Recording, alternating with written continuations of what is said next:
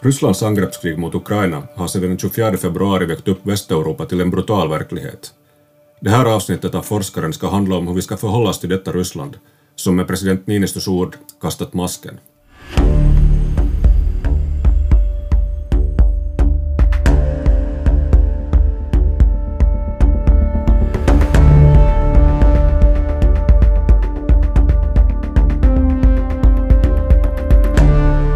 Hej och välkomna till Åbo Akademis podd Forskaren. Jag är redaktör Markus Präst. Hur ska vi förhålla oss till ett Ryssland som bedriver ett bestialiskt angreppskrig i Ukraina? Hur ska vi förhålla oss till en regim som oavbrutet ljuger, hotar och naket begår övergrepp i hemlandet, lönnmördar dissidenter i England och Tyskland och på andra håll inom den Europeiska unionen, och som hotar oss med kärnvapen om vi lägger oss i? Hur ska den finländska och europeiska framtiden med Ryssland se ut? De här frågorna kommer att upprepas flera gånger i samtal med Thomas Ries, som är internationellt uppmärksammad säkerhetsforskare, docent vid Åbo Akademi och nu verksam vid Försvarshögskolan i Stockholm. Intervjun gjordes i början av maj, men frågeställningarna och det resonemang Ries bjuder på är minst lika aktuella nu, ett par månader senare.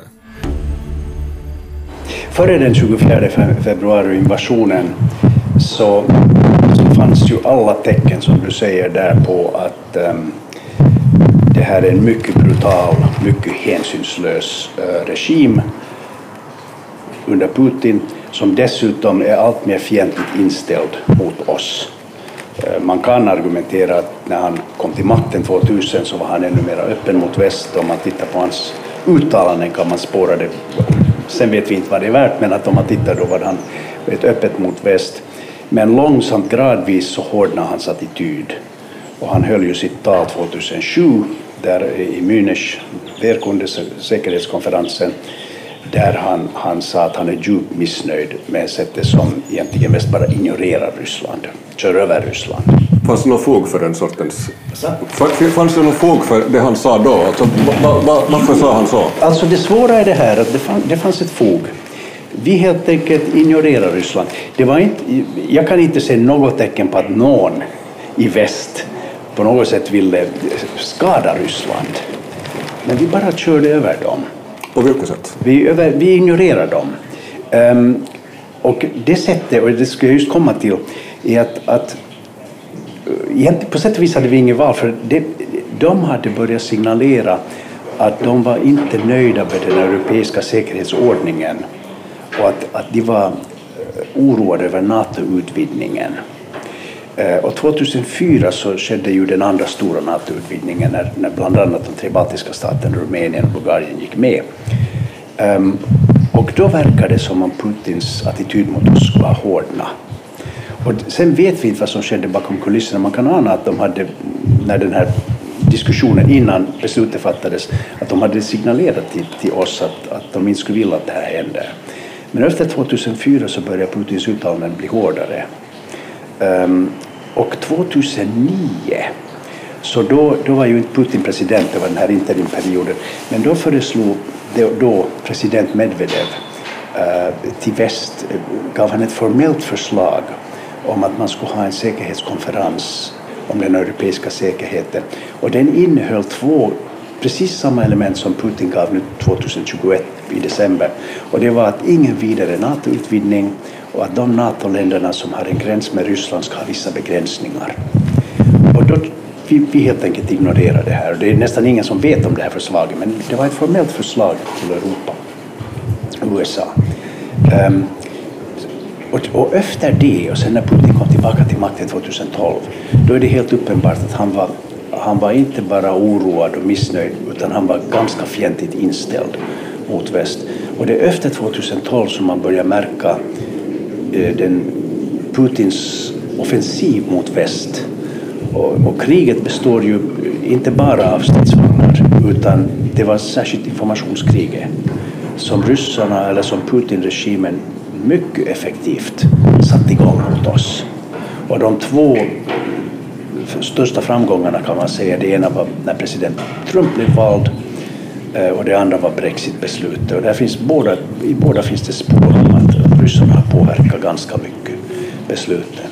Och sen är det allt möjligt annat som, som de gör, det, det goda gamla kriget. De finansierar politiska partier och i London har ju, ju eh, genomkorrumperat särskilt det, det, det, det, brittiska samlingspartiet, alltså Tories konservativa parti och så vidare. Så de hade allt det här, det var mycket framgångsrikt det här. Men, men sen började de också yttra på deras ideologiska kritik mot oss. Det blev allt hårdare uttalanden, de hånade oss. Eh, vi var korrupta, liksom, den liberala tiden var över, eh, man måste gå tillbaka till den, liksom, en stark ledare och så vidare. Har du, kan du beskriva vad, vad du skulle säga att är som det centrala, uh, det centrala som ställs emot varandra när det gäller väst och Ryssland? Va, va, varför blir det en sån motsättning mellan oss? Ja, ja. Alltså problemet var ju det att det som Putin då ville, i alla fall om vi tittar på det 2009-förslaget, är fullkomligt oacceptabelt för oss. Det skulle ha inneburit att eh, inom parentes stormakten Ryssland skulle förhandla med stormakten USA om Europas uppdelning. Och det var det som hände nu på nytt också innan den här invasionen, det var det de försökte då också? Då. Det var det som de försökte i, i december. Ja. Han skickade ett förslag endast till USA där han sa att nu tycker han att, att, att uh, USA borde ge de här garantierna. Um, och eh, det är fullkomligt oacceptabelt för våra grundvärden. Det skulle betyda att länder som Finland, Sverige, alla gräns, som har en gräns med, med, med, Ryssland inte längre skulle få bestämma över sin egen utrikes och säkerhetspolitik, försvarspolitik. Sånt här, och det, det går ju mot hela vår, hela vår tankevärld, hela vår känslovärld. Så, och här har vi motsättningen. Att, och det här var en, en för, för, många av oss, vi såg redan att det skulle komma till en våldsam konflikt. För det, Putins krav, vi kunde inte acceptera dem. Och det verkar som om han alltmer inte kunde acceptera den, den existerande säkerhetsordningen i Europa. Och då, då verkar det nästan oundvikligt att det skulle komma till en konflikt förr eller senare. Och här i Norden så tittar vi ju särskilt på de baltiska länderna, att det var där kanske som man skulle utlösa det här. Det där, den här konflikten, alltså uh, Putin uttrycker oro, möjligtvis Ryssland uttrycker oro för den här NATO-utvidgningen. Men äh, handlar det, tror du på allvar om att Ryssland tror att NATO skulle ha några ambitioner med Ryssland, eller, eller hur ser du det? Jag menar, här har det varit för en, nu när vi pratar här i början av maj, så för lite mer än en månad sedan ungefär, en månad sedan så hade vi en stor övning, NATO-övning i Norge med 30 000 NATO-soldater. Samtidigt så var Murmansk nästan alla, vad jag förstår åtminstone, nästan alla kapabla förband i Murmansk var nere i Ukraina och det fanns ingen förstärkning av det nordliga militära försvarsområdet i Ryssland utan man helt enkelt räknar med att 30 000 NATO-soldater inte kommer att göra någonting alls annat än att öva i Norge. Så var, var är, är det så att Ryssland på allvar uppfattar NATO som, som ett, ett hot? Eller, eller i så fall ett hot mot vad då? Jo, precis. Det här är ju en, en, annan sån här grundläggande fråga. Och det här måste vi specificera. Att vi, det är inte Ryssland, det är Putin-regimen som vi talar om här. Men alltså, och det finns två tolkningar. Eh, den ena är att Putin-regimen är verkligen rädd för Rysslands militära säkerhet. Och de har ju skapat en massa argument. Eh, om man tittar på det, den är fullt logisk ur deras perspektiv. Varför ungefär alla hundra år så är det någon galning från Hitler till Napoleon till Karl och så vidare som angriper Ryssland från Europa, så Europa är farligt. Och sen så kan de skapa en massa idéer om hur, hur de senaste 20 åren vi har varit farliga mot Ryssland. Eh, så, så den ena tolkningen är att de är genuint oroade och vill skapa en säkerhetsbuffert längs med Rysslands gränser. Eh, och den andra tolkningen är igen att ehm, det här är rent cyniskt maktspel. Och det har främst att göra med att Putin känner sig allt mer osäker hemma. Och här måste man komma ihåg att Putin har varit ganska skicklig taktiskt mot oss när det gäller maktpolitik. Ända fram, ända fram till det fatala 24 februari.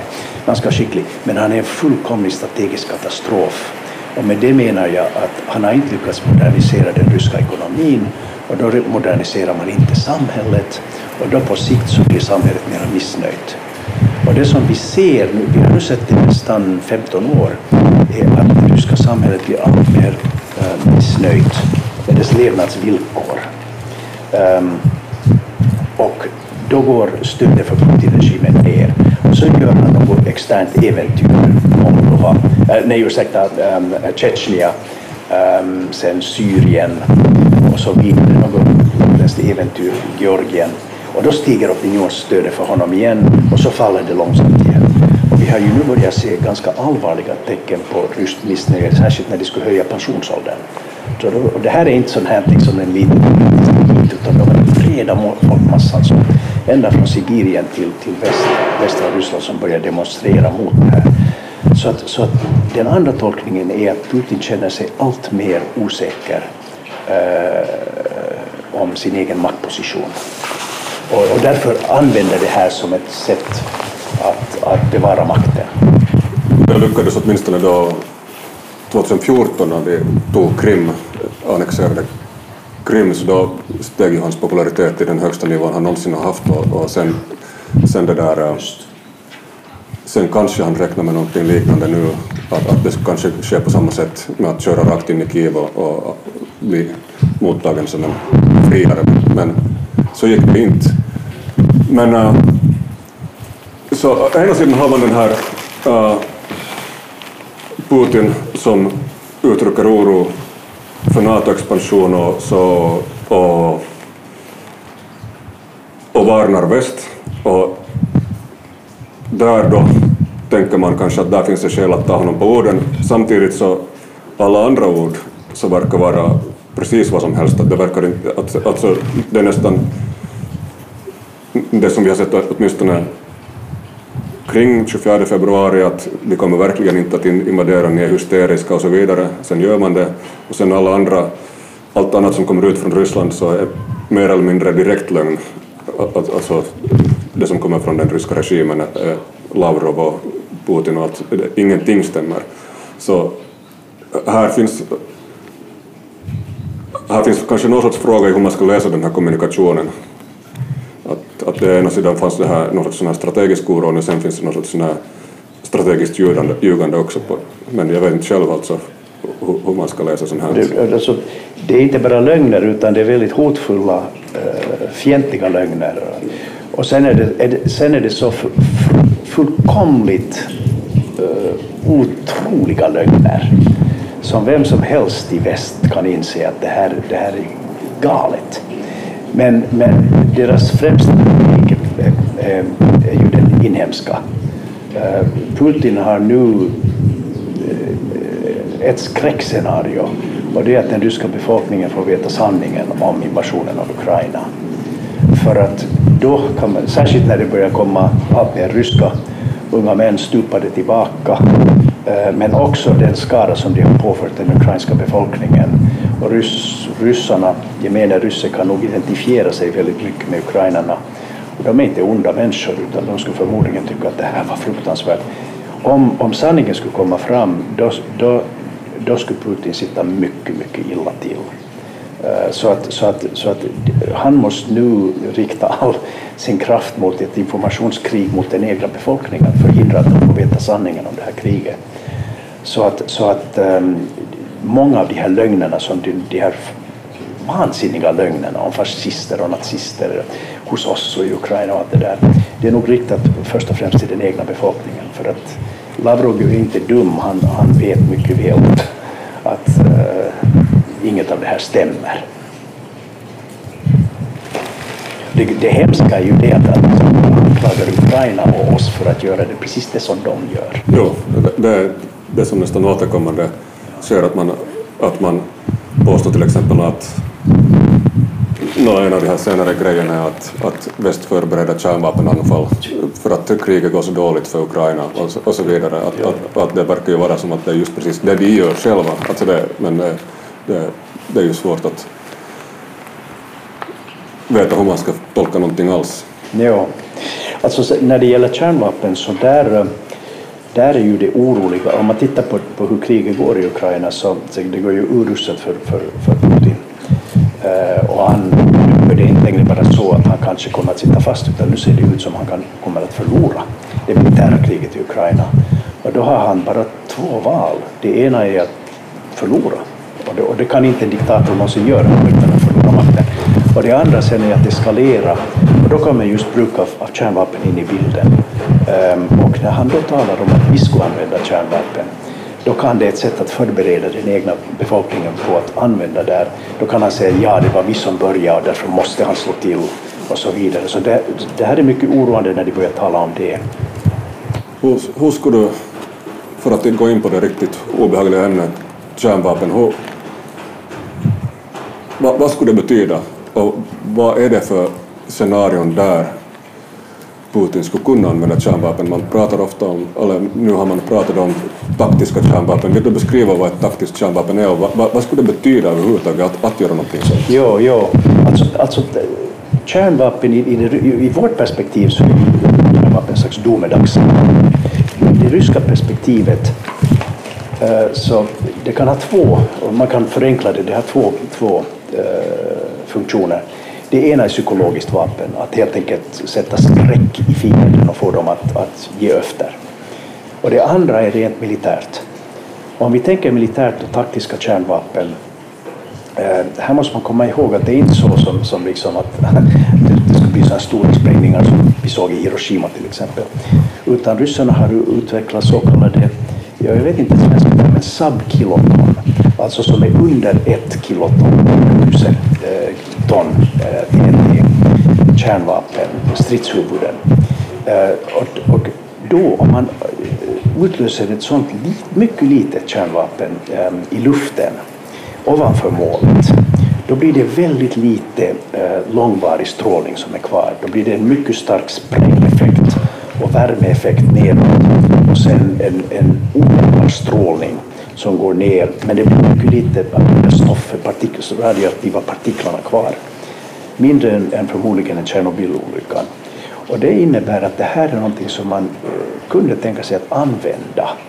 Eh, och om man då spränger, ska vi säga, ett tjugotal sådana här taktiska, eh, mycket små kärnvapenstridshuvuden ovanför ukrainska styrkekoncentrationer eller viktiga mål, flygplatser, vad det kan vara.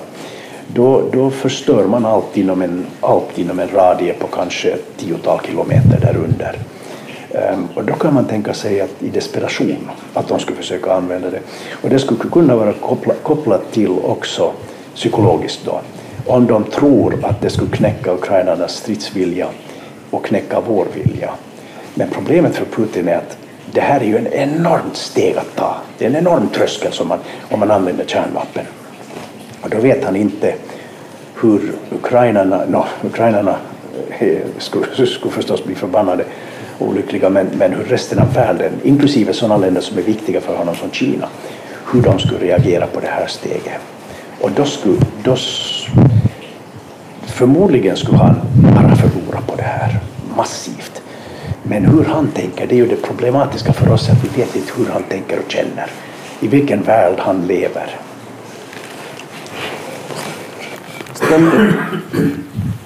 Kan man beskriva det här ryska, putinska, jag ska säga nu putinska och inte ryska, utan putinska ambitionen eller tänkande som att det du redan var inne på, att det finns en sån här idé om rysk inflytandesfär där Ryssland ska ha rätt att utöva inflytande. Och exakt vad det inflytande är inte helt uppenbart men det där uh, och att det som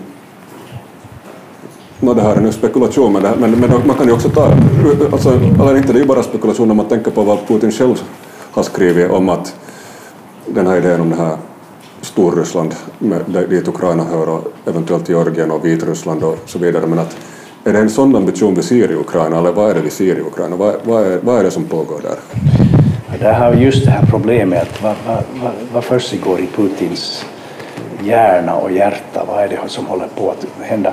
Det som, intrycket innan Ukraina-angreppet så var ju intrycket av att Putin såg sig som en slags Rysslands räddare, en slags Peter den store, som skulle lyfta upp Ryssland ur, ur askan som var kvar efter Sovjetunionens fall, det hemska 90-talet. Då skulle han lyfta fram Ryssland, äh, i Ryssland, inte lag, men ordning. Ehm, och sen återskapa Ryssland som en global stormakt. Eh, så det var hans liksom, historiska uppdrag, kan man uppfatta. Den andra, den andra sidan av, var att han också skulle göra sig till världens rikaste man. Eh, han och hans lilla grupp oligarker. Men att det var den ena sidan. Eh, men den andra sidan sen är det här att, att helt enkelt mera defensiv, att han börjar uppfatta allt mer att han måste bevara makten på något sätt. Och att det innebär han, måste ha, han har ökat förtrycket inom Ryssland hela tiden konsekvent. Vi låtsas inte ens längre att det är en demokrati. De här sista valen så de bara förbjöd och burade in och döda all opposition. Och, och, och, så de, han låtsas inte om demokrati längre. Um, så att han ökar förtrycket hemma att han, han, han verkar ha blivit mycket mer defensiv nu, ehm, men, men samtidigt mycket hårdare, mycket grymmare. Desto mer eh, defensiv han blir, desto mer grymmare blir han. Så att, så att det är intrycket som man får av honom nu. Hur ska man tänka att det här nu kommer att påverka Europa och väst? Alltså att, kom, är det så att vi nu äntligen tar det här på allvar? Jag menar, det har pågått en massa mord och det fanns, redan från början fanns det Tjetjenien och sen kom Georgien och sen Syrien. Syrien verkar man inte bry sig så mycket om men att där är det ju, om man läser vad som har skett där så är det ju rätt så bestialisk krigsföring där också, alltså att det, den är väldigt urskillningslös och massa civiloffer och, och, och så vidare. Men att hittills har vi i väst på något sätt, nu kan jag inte säga Finland, men kanske sådär EU, Tyskland, äh, Storbritannien möjligtvis, äh, förhåller oss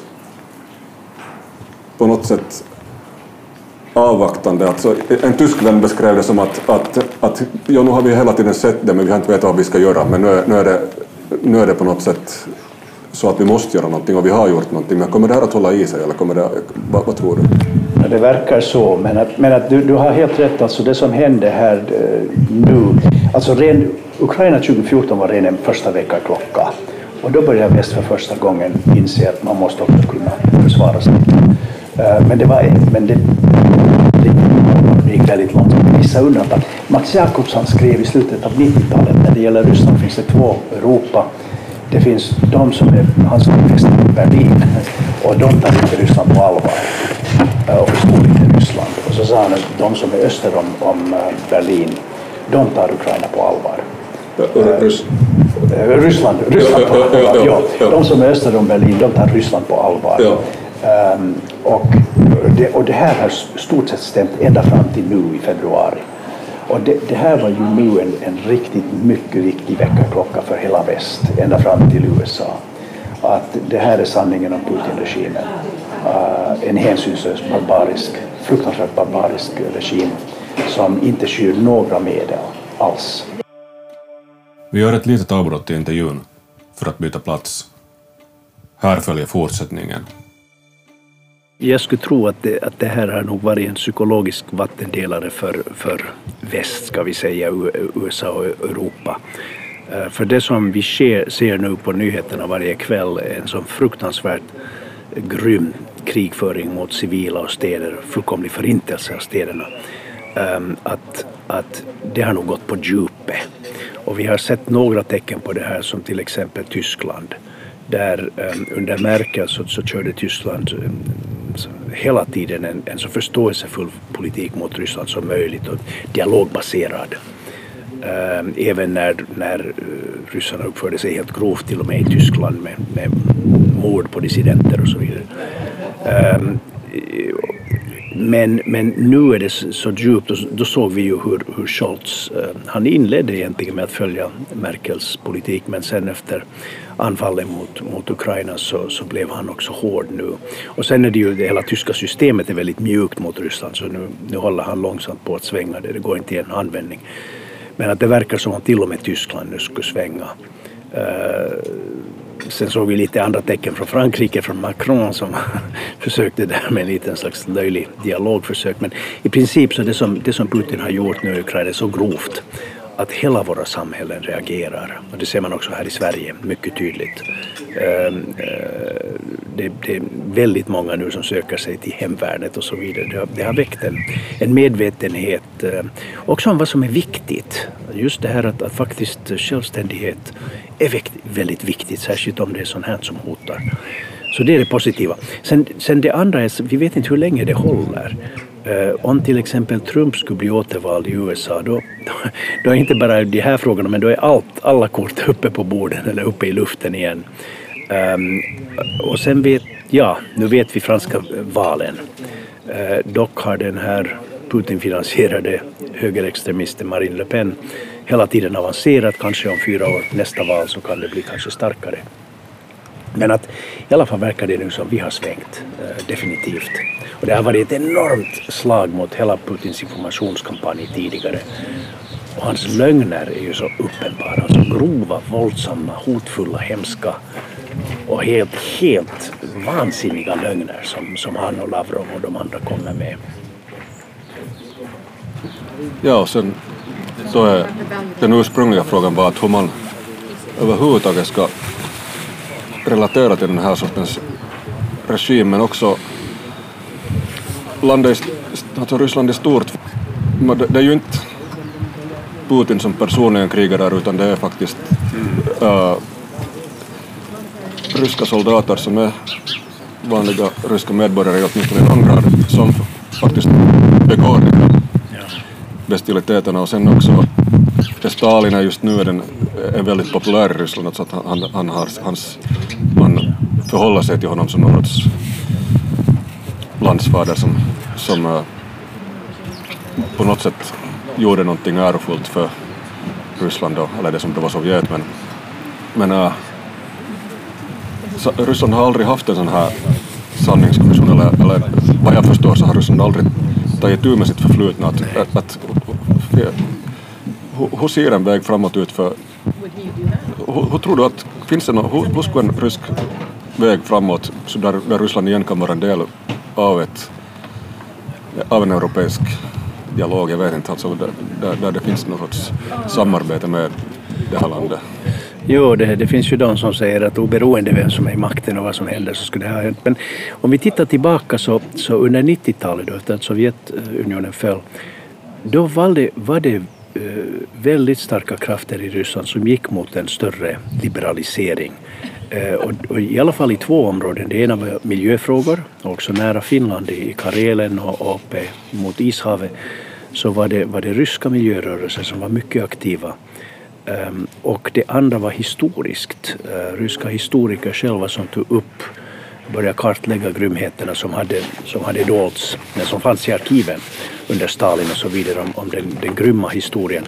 Men det som vi har, så, så, så att egentligen det här fröet finns i ryska samhället men det som vi sen såg var att när Putin kom till makten så gradvis och mycket systematiskt så har han lagt ett lock på allt det här. Och nu är han ju mycket grym, alltså de anklagas och buras in och, och, och förtrycks helt enkelt. Så att, så att Putin-regimen har förtryckt det här.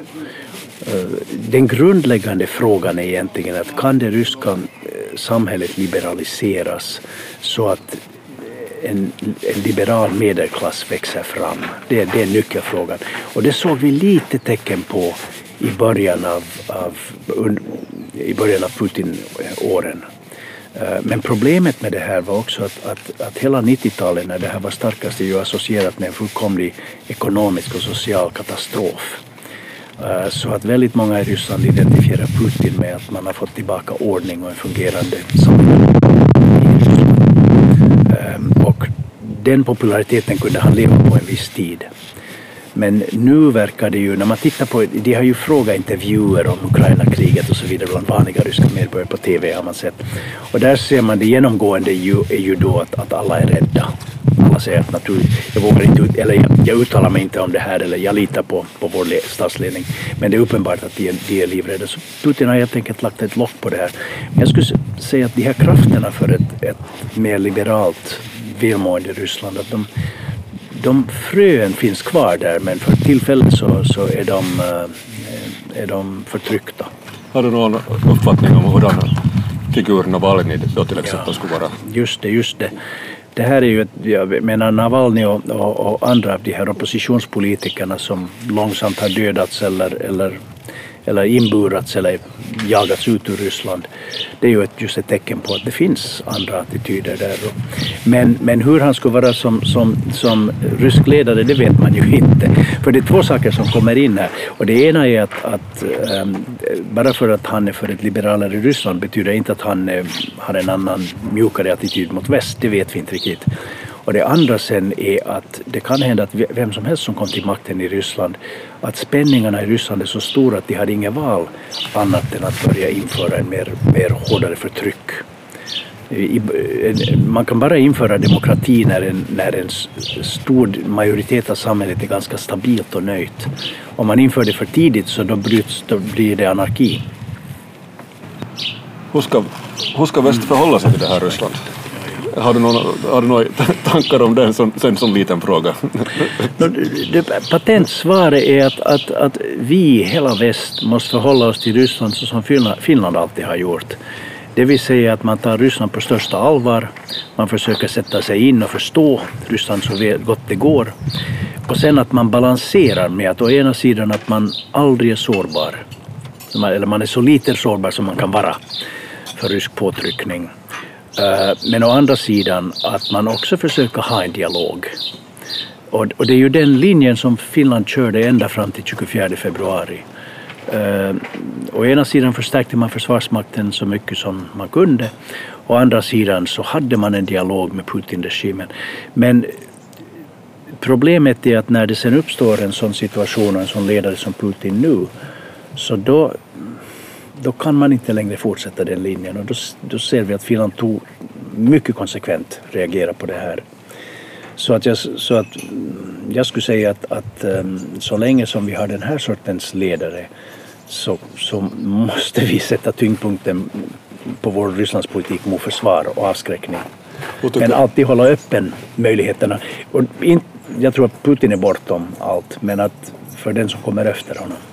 Vad tror du att det här om Finland söker medlemskap i NATO, vilket det verkar vara i, mycket sannolikt. mycket sannolikt just nu när vi pratar i början av maj, så vad kommer det att ha för effekt på vår relation med Ryssland? No, jo, det är ju just det. Och sen här igen måste man eh, skilja, liksom, Ryssland är stort. Ja. Men att naturligtvis med Putin-regimen, de har, de har helt ärligt sagt 15-tal eh, år nu att eh, det, det kommer att få stora konsekvenser, både politiskt och militärt. Och, och, och, och nu har de börjat hota lite på lite grövre sätt. Um, så att det kommer inte att förbättra förhållandet med Putin-regimen. Men, men samtidigt tror jag inte att Putin kommer att hålla makten mycket längre kvar. Uh, kanske om några månader så tror jag att det blir ett regimbyte. Nu, nu vågar jag mig på den här väldigt dramatiska prognosen men ibland måste man våga, jag tror det faktiskt för att han, hans misslyckande är så stort nu. Eh, att den, resten av eliten, en stor del av eliten i Ryssland måste nu känna att, att, att Ryssland skadas för mycket av hans, under hans ledning. Men um, det innebär att, att vi måste tänka på vem som kan komma efter honom och det är inte sagt att det blir någon som blir bättre. Det finns betydligt farligare typer där i skuggorna. Eh, men om det blir en regim som är mer saklig då måste vi hålla dörrarna öppna för en dialogbaserad förhållande. Men här kommer man sen ju in i det här oerhört svåra spelet att hur långt ska man gå, hur mycket ska man ge efter, eh, hur mycket ska man eh, inte göra det, hur mycket ska man ha satsa på en försvarsmakt som igen de kan hävda hotar dem. Det blir en väldigt delikat balansgång. Jag skulle säga att efter det här äventyret i Ukraina, det visar i alla fall Putin-regimen, det, det, går helt enkelt inte att ha något förnuftigt förhållande med dem, utan då måste man satsa på att ha ett så starkt avskräckande och starkt försvar som man, man kan ha. Vad tror du att, hur kommer ett framtida Ryssland att förhålla sig till att Finland är en del av NATO? Ja. Nå, de får köpa det. Eh, nyckelfrågan här är vilken NATO är vi sen med? Eh, och här kommer vi in till Trump. Om han blir återvald i 2024 som president av USA, då, då, då, har vi ingen aning egentligen om hur han kommer att eh, köra USAs NATO-politik. Och om, om, om USA fortsätter att vara en stark NATO-partner då tror jag inte att det gör, då är det, då är det bara bättre för Finland att vara med i NATO. Um, om han inte gör det, eh, om han riktigt skulle göra något dramatiskt som skulle minska USAs deltagande i, i NATO väldigt mycket, då skulle jag säga att Finland skulle ändå vara tjänt av det här. För då skulle vi ha eh, uh, kunnat samordna med rest, uh, i minimum skulle vi kunna samordna med, med Sverige och Norge och förmodligen Storbritannien Eh, våra försvarsresurser och sen förstås balterna och Polen. Och det skulle förstärka Finlands försvar enormt, redan bara det. Och sedan finns det ju de övriga, övriga komponenterna i Europa. Så att, så att även om det skulle gå så, så hemskt att USA skulle dra sig ur NATO så skulle Finlands position vara förstärkt. Um, och den andra sidan igen, att om Finland inte skulle gå med i NATO, jag, jag, jag skulle tro att, att den ryska generalstaben redan räknar med att vi är med i NATO, vi och, och Sverige är med i NATO, helt enkelt för att eh, de tittar på vad vi gör och, och, och våra övningsmönster och så vidare. Så att eh, diplomatiskt så, så, tar de inte upp det här för att de vill förhindra att vi går med i NATO, men att, men att eh, rent militärt så skulle jag tro om det skulle bli en konflikt i Norden skulle de räkna med att vi redan var med i NATO, så vi skulle vara lika illa ute som om vi inte var med. Jag tycker jag har sett kartor som visas under till exempel de här Zapad-övningarna där finländska flygfält automatiskt är bombmål redan nu. Alltså att, att, att man räknar med att Finland och Norden ändå är en, en så viktig komponent i hela det här militärområdet att, att vi ändå skulle bli utsatta ifall, ifall av någon sorts militär konflikt, fast som någonting som har att göra med Arktis eller Baltikum så verkar det åtminstone vara som att det som jag läser så säger att Ryssland redan, just det som du säger, förhåller sig till Finland som en del av en västlig allians. Men i det här fallet skulle det kanske ha något sorts, eller har den här femte artikeln och sen exakt vad det innebär så vet vi kanske inte men, men, det där, men, men den finns i så fall. No, den stora skillnaden är, är, är, alltså jag är helt enig med det här. Jag har inte sett de här kartorna, det är intressant. Men att, men, men att ehm, men ryska generalstaben måste helt enkelt räkna med att vi och Sverige är med redan. Eh, för de skulle titta på det här så pessimistiskt som möjligt och försöka säkra sig så gott det går. Och, de, och de, om de tittar på vad vi har gjort så räknar de med det. Men den stora skillnaden om man är med i NATO är att då är det militära samarbetet mycket, mycket starkare. Um, och det skulle, det skulle förstås oroa den ryska generalstaben väldigt mycket. Men vi skulle, som du säger, så, så Eh, det betyder inte att de inte skulle vara oroade om vi inte, när vi inte är med. Att det skulle, sen beror det ju på scenariot, men i, i, i många scenarier så skulle vi vara lika utsatta för ryskt anfall som, som om vi är med i NATO eller om vi inte är med. Men sen den andra biten av det här är ju att sen måste vi det är också ett politiskt spel här och, och vi, vi får bara hoppas om att, att Putins efterträdare Eh, kommer att, att man kommer att kunna ha ett mer politiskt diplomatiskt förhållande med dem. Um, och där så, så, tror jag inte att NATO-medlemskap skulle göra någon skillnad. De har levt fredligt med Norge och Danmark under hela kalla kriget så att, uh, jag tror inte att det, det skulle påverka deras förhållande. Det beror väl sen också på sådana grejer att vad som frambaseras i Finland, om någonting överhuvudtaget frambaseras i Finland av, av annat än finländska mm. styrkor och sen också sån här, alltså att det till exempel inte automatiskt innebär att kärnvapen baseras på finskt territorium. Det har man till exempel inte i Norge och inte i Danmark och egentligen på väldigt få områden i hela Europa. Att vad är det Tyskland, Turkiet och Frankrike, Storbritannien som... Jo, Nederländerna kanske, men ja, jag vet inte precis var, men ja. det finns några flygplatser där de har några kärnvapenbomber. Men det här, är, det här är ett nationellt beslut. Det är inte, NATO är helt baserat på medlemmarnas beslut, så att varje medlemsland bestämmer själv.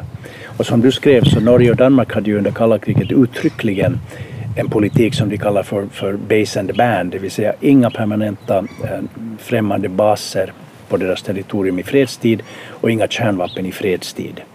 Ehm, så att det, här, det här är helt förenligt. Så att Finland skulle bestämma helt och hållet vad som sker militärt eller, eller på andra sätt på finskt territorium. Vad tycker du att Ryssland har för skäl att anse att NATO är aggressivt? Att man ser att USA åtminstone ser Ryssland som aggressivt. Man ser att det som skedde, alltså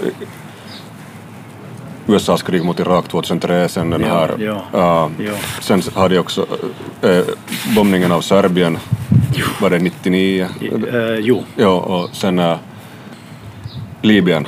Jo, da, da, jo, 2011. Där var, ja, där var NATO. Det var NATO, det var NATO ja. Jo. Och, och, så, hur tycker du att, jag menar, med, de, med de här korten säger att, men att titta nu på vad NATO håller på med, att NATO är ett väldigt aggressivt ja, ja. Det där samfund. Vad skulle du säga till en sån sak? När, när ryssarna har byggt upp en, en fullt logisk eh, argumentation för varför NATO hotar och USA hotar USA. Den, den är byggd på helt fel premisser, men, men den, de, de har tre punkter som de säger. Det ena är att de hävdar att USA har hela tiden varit fientligt inställt, ända sedan ja, kalla krigets början. Eh, men då tittar de till exempel på en, en av eh, president Reagan, det var ju egentligen han som fick Sovjetunionen att kollapsa. Och han hade en väldigt sofistikerad hybridstrategi för det här och en av elementen var just Solidarnosc. Alltså han fick helt enkelt Polen, det polska samhället att, att revoltera mot, mot Sovjetsystemet. Um, och det spred sig runt hela Östeuropa och sen in till Ryssland. Och det säger de att det har USA fortsatt med med alla de här orangea revolutionerna i, i tidigare Sovjetunionen, Sovjetstaterna. Och Putin verkar också tro att, att USA försökte något liknande när han skulle bli återvald till president 2012. Och det blev stora demonstrationer. Medelklassen i Moskva särskilt började demonstrera mot, mot val, valet. Så att det ena narrativet är att, att USA har hela tiden fortsatt att försöka minska och försvaga Ryssland.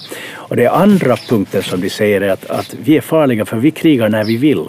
Och då är det just det som du, du radade upp. Och det började egentligen 1985, när, eh, äh, 95, när äh, NATO satte igång med fredspåtvingande operationer i Balkan för att få slut. Det var ju ett grymt äh, inbördeskrig, eller flera. Där. Och då, och då 95, så, 95 så satte vi igång med, med hårda fredspåtvingande medel. Och sen som du säger framåt, sen Kosovo 99 och sen ehm, Irak, Afghanistan Eh, och de tittar också tillbaka till Irak 90-91, det första kriget mot Irak, eh, och sen Libyen och så vidare. Så de säger att, att vi använder vår militärmakt när vi vill, så att det är klart att, att Ryssland kan bli ett mål. Och det tredje som de sen tar upp är NATO-utvidgningen. Och tar man en karta och liksom målar upp hur, hur NATOs gränser österut hela tiden har förflyttats närmare Moskva så vi tolkar det ju bara som en helt naturlig sak. Det är inte NATO som har utvidgats utan det är de här länderna som har sökt om medlemskap. De vill in. Eh, medan de ser det igen att vi förflyttar den militära frontlinjen hela tiden djupare in i Ryssland. Och det är ju därför som Georgien 2008 och Ukraina 2013-2014 blev så existentiellt för ryssarna. De uppfattat att nu går det alldeles för långt. Så att de har byggt upp ett narrativ att, att vi är, eller USA och, och NATO, är fientligt inställt. Och sen det andra sen är ju att EU, tidigare ignorerade EU, det spelar ingen roll, men nu så är Putin livrädd för EU för att, men av ideologiska skäl. Hela, hela EUs grundkultur Eh, demokrati, respekt för mänskliga rättigheter, oberoende rättsväsen, allt det här, fri, fri media. Allt det här är, är ju ett livshotande för en diktatur. Så själva EUs existens är ett hot för dem. Så att ur det här perspektivet så, så kan inte en, en regim som Putin leva fredligt eh, vid sida vid sida med, med det liberala Europa. Och sen, sen har de den här narrativen om vårt angrepp. Så ur deras perspektiv finns det här. Men det är helt en fråga om hur man ser världen. Och det här är kopplat, det här är kopplat till Putin-regimen, inte, inte till mer än det. Så att om det skulle komma en annan regim, som det kommer att komma, då får man hoppas att de inte har samma attityd och då måste vi också se till att vi skickligt sett, äh, hjälper till att förhindra att de känner sig hotade på det här sättet. Men å andra sidan, det, det är så, så otroligt svårt för att ähm, när man har att göra med, med paranoida människor så är det väldigt svårt att övertyga dem att man inte hotar dem på ett eller annat sätt. Så vi får bara hoppas att den här paranoida tendensen som är extrem under Putin, att den inte skulle fortsätta under en annan regim. Men det är väl en paranoia som har funnits där väldigt, väldigt länge i Ryssland. Alltså det, det är svårt att med de väldigt begränsade kunskaper jag har om det här ämnet så är det svårt att se hur det, hur det ska svänga förutom att, som man så säger om det inte bildas en liberal medelklass som har andra bekymmer än, än äh, Rysslands storhet. Men nu, nu är jag kanske svängd åt ett väldigt kritiskt ryskt håll, men, men alla håll mot att jag är väldigt svängd, väldigt kritiskt svängd mot Ryssland, men det hänger ihop med det, vad det är som pågår just nu. Och från, från den synvinkel jag själv sitter i så är det svårt att se hur man fortsätter med en no, förstås med den här regimen men också med hela det här landet som har gjort på det här sättet, att, att, att eh, mm. ha drivit det här i Europa på det här sättet och gjort de här bestialiteterna. Så det, det, det ser inte ut som att det är en lätt väg framåt härifrån. Det är det inte. Som du säger, under kalla kriget så då upplevde vi ju i Finland och, och i hela Europa att, att den här ryska aptiten för säkerhet är omättlig. Så att även när de då hade Warszawapakten och när de hade eh, stort militärt, på sätt, eller inte militärt men politiskt inflytande i Finland med VSB-avtalet Ehm, så deras aptit var omättlig. Under hela kalla kriget, ända fram nästan till 1990, så försökte de eh, minska Finlands självständighet och oberoende. Så att Finland måste föra en konstant kamp för att, för att eh, förhindra att Ryssland långsamt skulle öka sitt inflytande i Finland. Eh, så, att det, så att du har helt rätt, alltså, när man är inne i det här spåret så det, eh, även om man har väldigt stora ett säkerhetsbälte som, som Sovjet hade under kalla kriget så, så vill man ha mera. Och där, där är just problemet. Så som du säger, det, det, det skulle behövas en djup förändring eh, i Ryssland, en kulturell förändring. Och som du antyder, jo, då skulle man måste skapa ett, ett mera välmående liberalt samhälle, väl, välmående samhälle och det skulle bli förmodligen liberalt av sina egna instinkter. Men, men då måste man få igång, reformera den ryska ekonomin och det är det som, som uh, Jeltsin misslyckades med det och det är det som Putin har misslyckats med nu. Så länge som man inte moderniserar ekonomin så att man får till stånd en medelklass i Ryssland, en stor medelklass, Eh, så då, då kommer vi ingen vart. Så är det farligt. Så där har vi, där har vi det djupa problemet med Ryssland. Eh, de, de måste, hittills har de inte lyckats med det här och då, och då går de till det alternativa, de här, de här grova, vulgära attityderna att Ryssland är en global stormakt för att vi har kärnvapen och för att vi kan dominera andra. Ehm, och då blir Ryssland farligt. Finns en risk att vi ser härifrån framåt ser också att mera lynnigt Ryssland säger att man har infört, att man har nu alla de här sanktionerna på plats och det kanske blir ännu mera. Så vad har då Ryssland att förlora på att, att, att spela ännu fulare? Jag menar, det, det... Ja, de hade allt att förlora som vi ser nu. Ja. Eftersom det gick så himla dåligt. Det, alltså, Put, förmodligen kan man spekulera att, att Putin räknar med att stor militär seger nu Um, och då skulle han ha vunnit, att han skulle beva ha bevarat allt det som han hade. Det skulle kanske komma sanktioner en liten tid men sen skulle det gå om, det, det stör inte honom. Um, och då skulle han också ha fått en stor militär seger. Och då skulle hans, hans, hela hans krig egentligen mot väst um, bara ha blivit starkare. Men sen gick ju allt fel. Uh, militäroperationen misslyckades. Um, vi på ett sätt som är emot det här. Alltså, alltså istället för att knäcka NATO så har man förstärkt NATO. Och istället för att liksom förhindra att Finland och Sverige går med i NATO så har han gjort precis det motsatta. Eh, så på alla plan egentligen har han misslyckats med det här. Men han räknar förmodligen med att om han får en sån här seger i Ukraina då kommer han att, att vinna på allt. Men, han har, men allt som han hade byggt upp tidigare har kraschat nu. Vilken uppsida den här kraschen är, alltså det som jag själv följer med så säger att till exempel militärt så har, de, har Ryssland lidit riktigt stora förluster både i, i, i soldater, alltså i män och i material. Det, den modernaste materialen har gått åt väldigt stor del av den. Och, och sen kommer de här sanktionerna på som kommer att jag menar bara en sån sak som att de inte kan importera kullager från Sverige. Alltså, den, sån här, alltså, alltså alla möjliga saker de inte kan importera eftersom vad jag förstår så till exempel deras, uh, den industri som utvinner de här råvarorna, oljan och så vidare, det består av det är europeiska maskiner eller amerikanska maskiner eller maskiner från utlandet som gör allt det här och det här blir det utan nu. Så, så ha, har, du, har du någon bild av hur djupt det här verkar gå? Alltså vilken djup svacka Ryssland kommer att hamna i nu? Extremt djupt.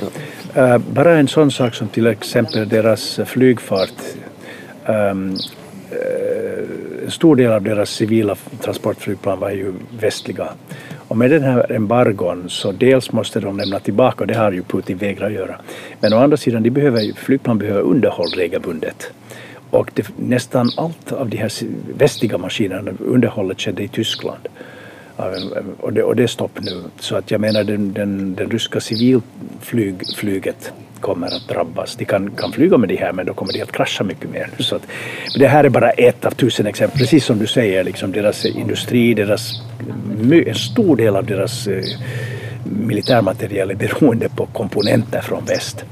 Så att, så att eh, det blir en djup, djup krasch. Och sen sanktionerna kommer att leda till ehm, eh, enorma ekonomiska konsekvenser. Både, både rent ekonomiskt och sen för det, det ryska samhället. Om några månader börjar det. Så att det, det, det, det blir en, en enorm ekonomisk krasch i Ryssland. Och här också kommer Putin att måste förklara det här för, för folk. Han, tills vidare så kan han säga att ja, det är vårt fel, det är de dumma fascisterna i väst. Men på sikt så blir det svårare och svårare för honom att bevara det här informationslocket mot det egna folket.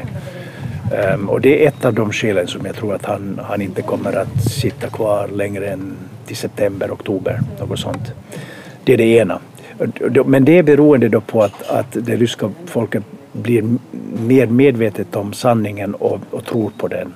Och det andra, kanske viktigare, är att, att elit, eliten under Putin, inte hans närmaste lilla ideologiska krets, men eliten under honom, vid något tillfälle så kommer att måste räkna att nu har han gjort så stor skada för ryssar att de måste ersätta honom. Och det kan de kanske inte göra alena, men om det sammanfaller med att det är en stort folkligt missnöje, då kan det hända att det blir en, en en eh, regimbyte.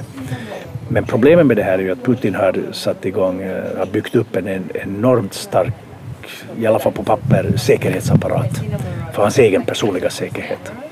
Så det är inte så lätt att göra det här, men jag tror att förr eller senare så måste helt enkelt hans regim krascha. Det är antingen det eller så kommer eh, Ryssland att bli en extremt ekonomiskt och socialt dysfunktionell stat som börjar alltmer likna, gå mot Nordkorea med, med, med allt brutalare kontroll. Och det är en ond cirkel för då blir ekonomin och samhället ännu sämre och allt går bara neråt. Och det enda man sen har kvar i sista hand är kärnvapen. Vad skulle du säga att, om man avslutar med en sån, igen en väldigt liten fråga, men vad skulle du säga att är det bästa scenariot?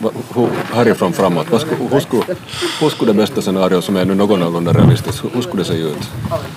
Jo, det bästa scenariot skulle vara att Putin-regimen skulle störtas och att det skulle komma en, en um, ny rysk regering som inte nödvändigtvis var mjuk men som skulle vara öppen för dialog med oss och som särskilt skulle vara mera kompetent i att bygga upp Rysslands ekonomi. Det, det, är, liksom, det är grundbulten. Om de inte kan göra det så då, då går ingenting annat. Så att, så att, och det finns ju det. det fanns, Putin hade runt sig i början av 2000-talet hade han en hel stab med skickliga ekonomer och, och människor som realister som såg samhälle och ekonomi på ett realistiskt sätt. Om de skulle kunna komma till makten eh, då det skulle vara det positiva scenariot. Men det verkar lite sökt. Eh, men att du var om det mest optimistiska scenariot. Men han måste, han måste gå. Det, det är helt uppenbart nu att han, han har gått bortom alla gränser. Och det var allt för den här gången. Jag är redaktör Markus Präst och flera avsnitt av Forskaren hittar du på www.abo.fi forskaren. Tack för att du har lyssnat.